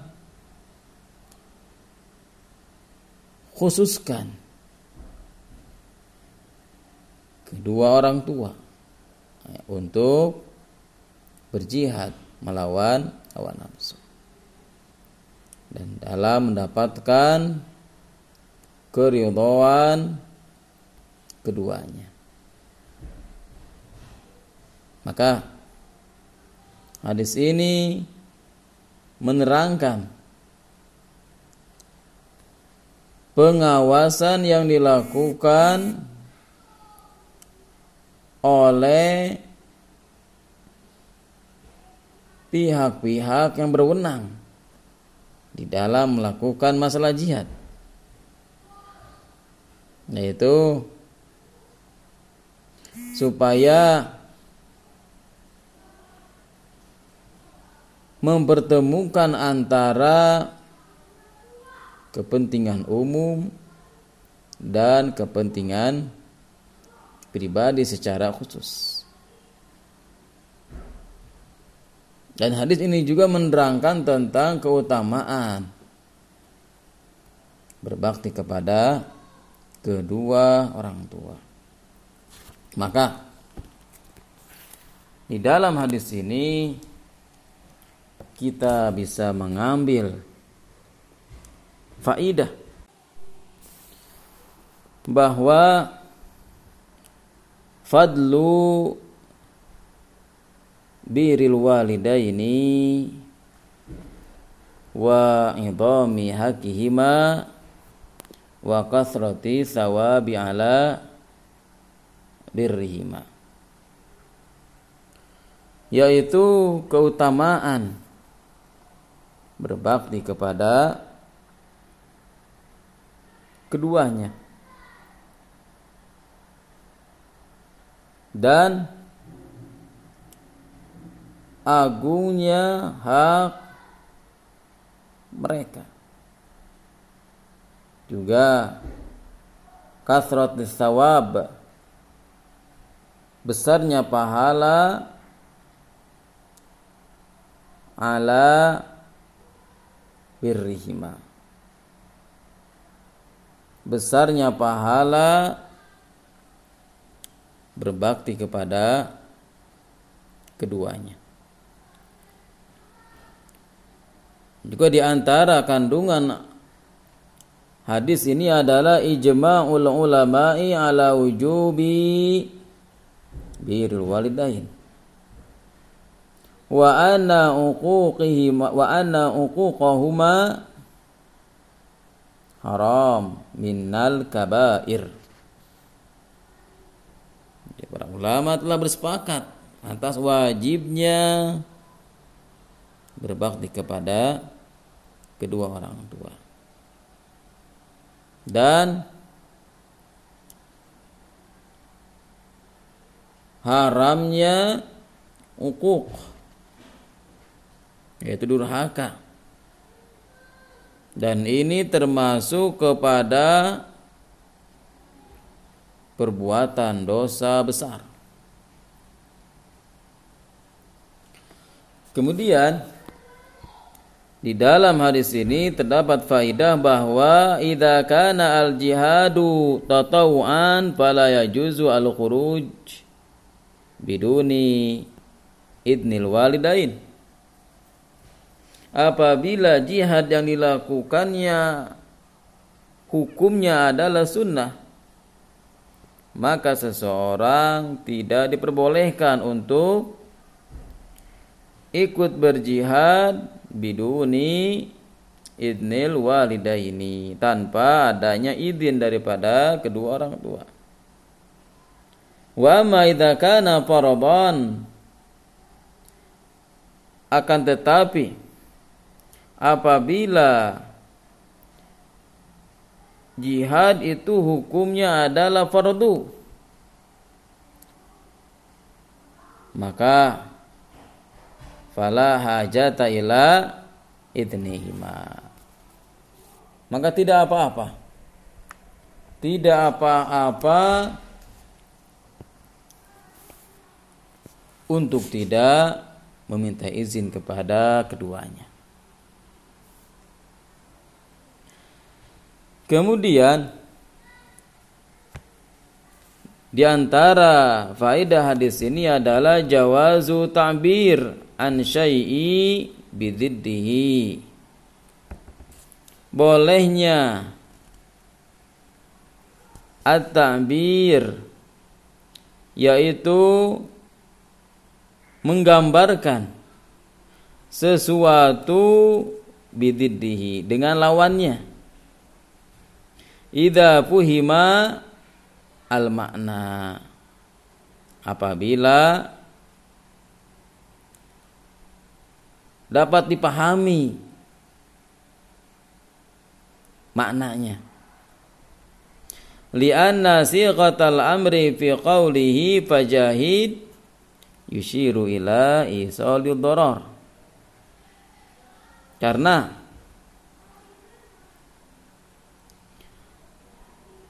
perintah ataupun bentuk perintah yang ada di dalam sabda Rasulullah sallallahu alaihi wasallam fajahid ini mengisyaratkan adanya bahaya yang akan terjadi. Padahal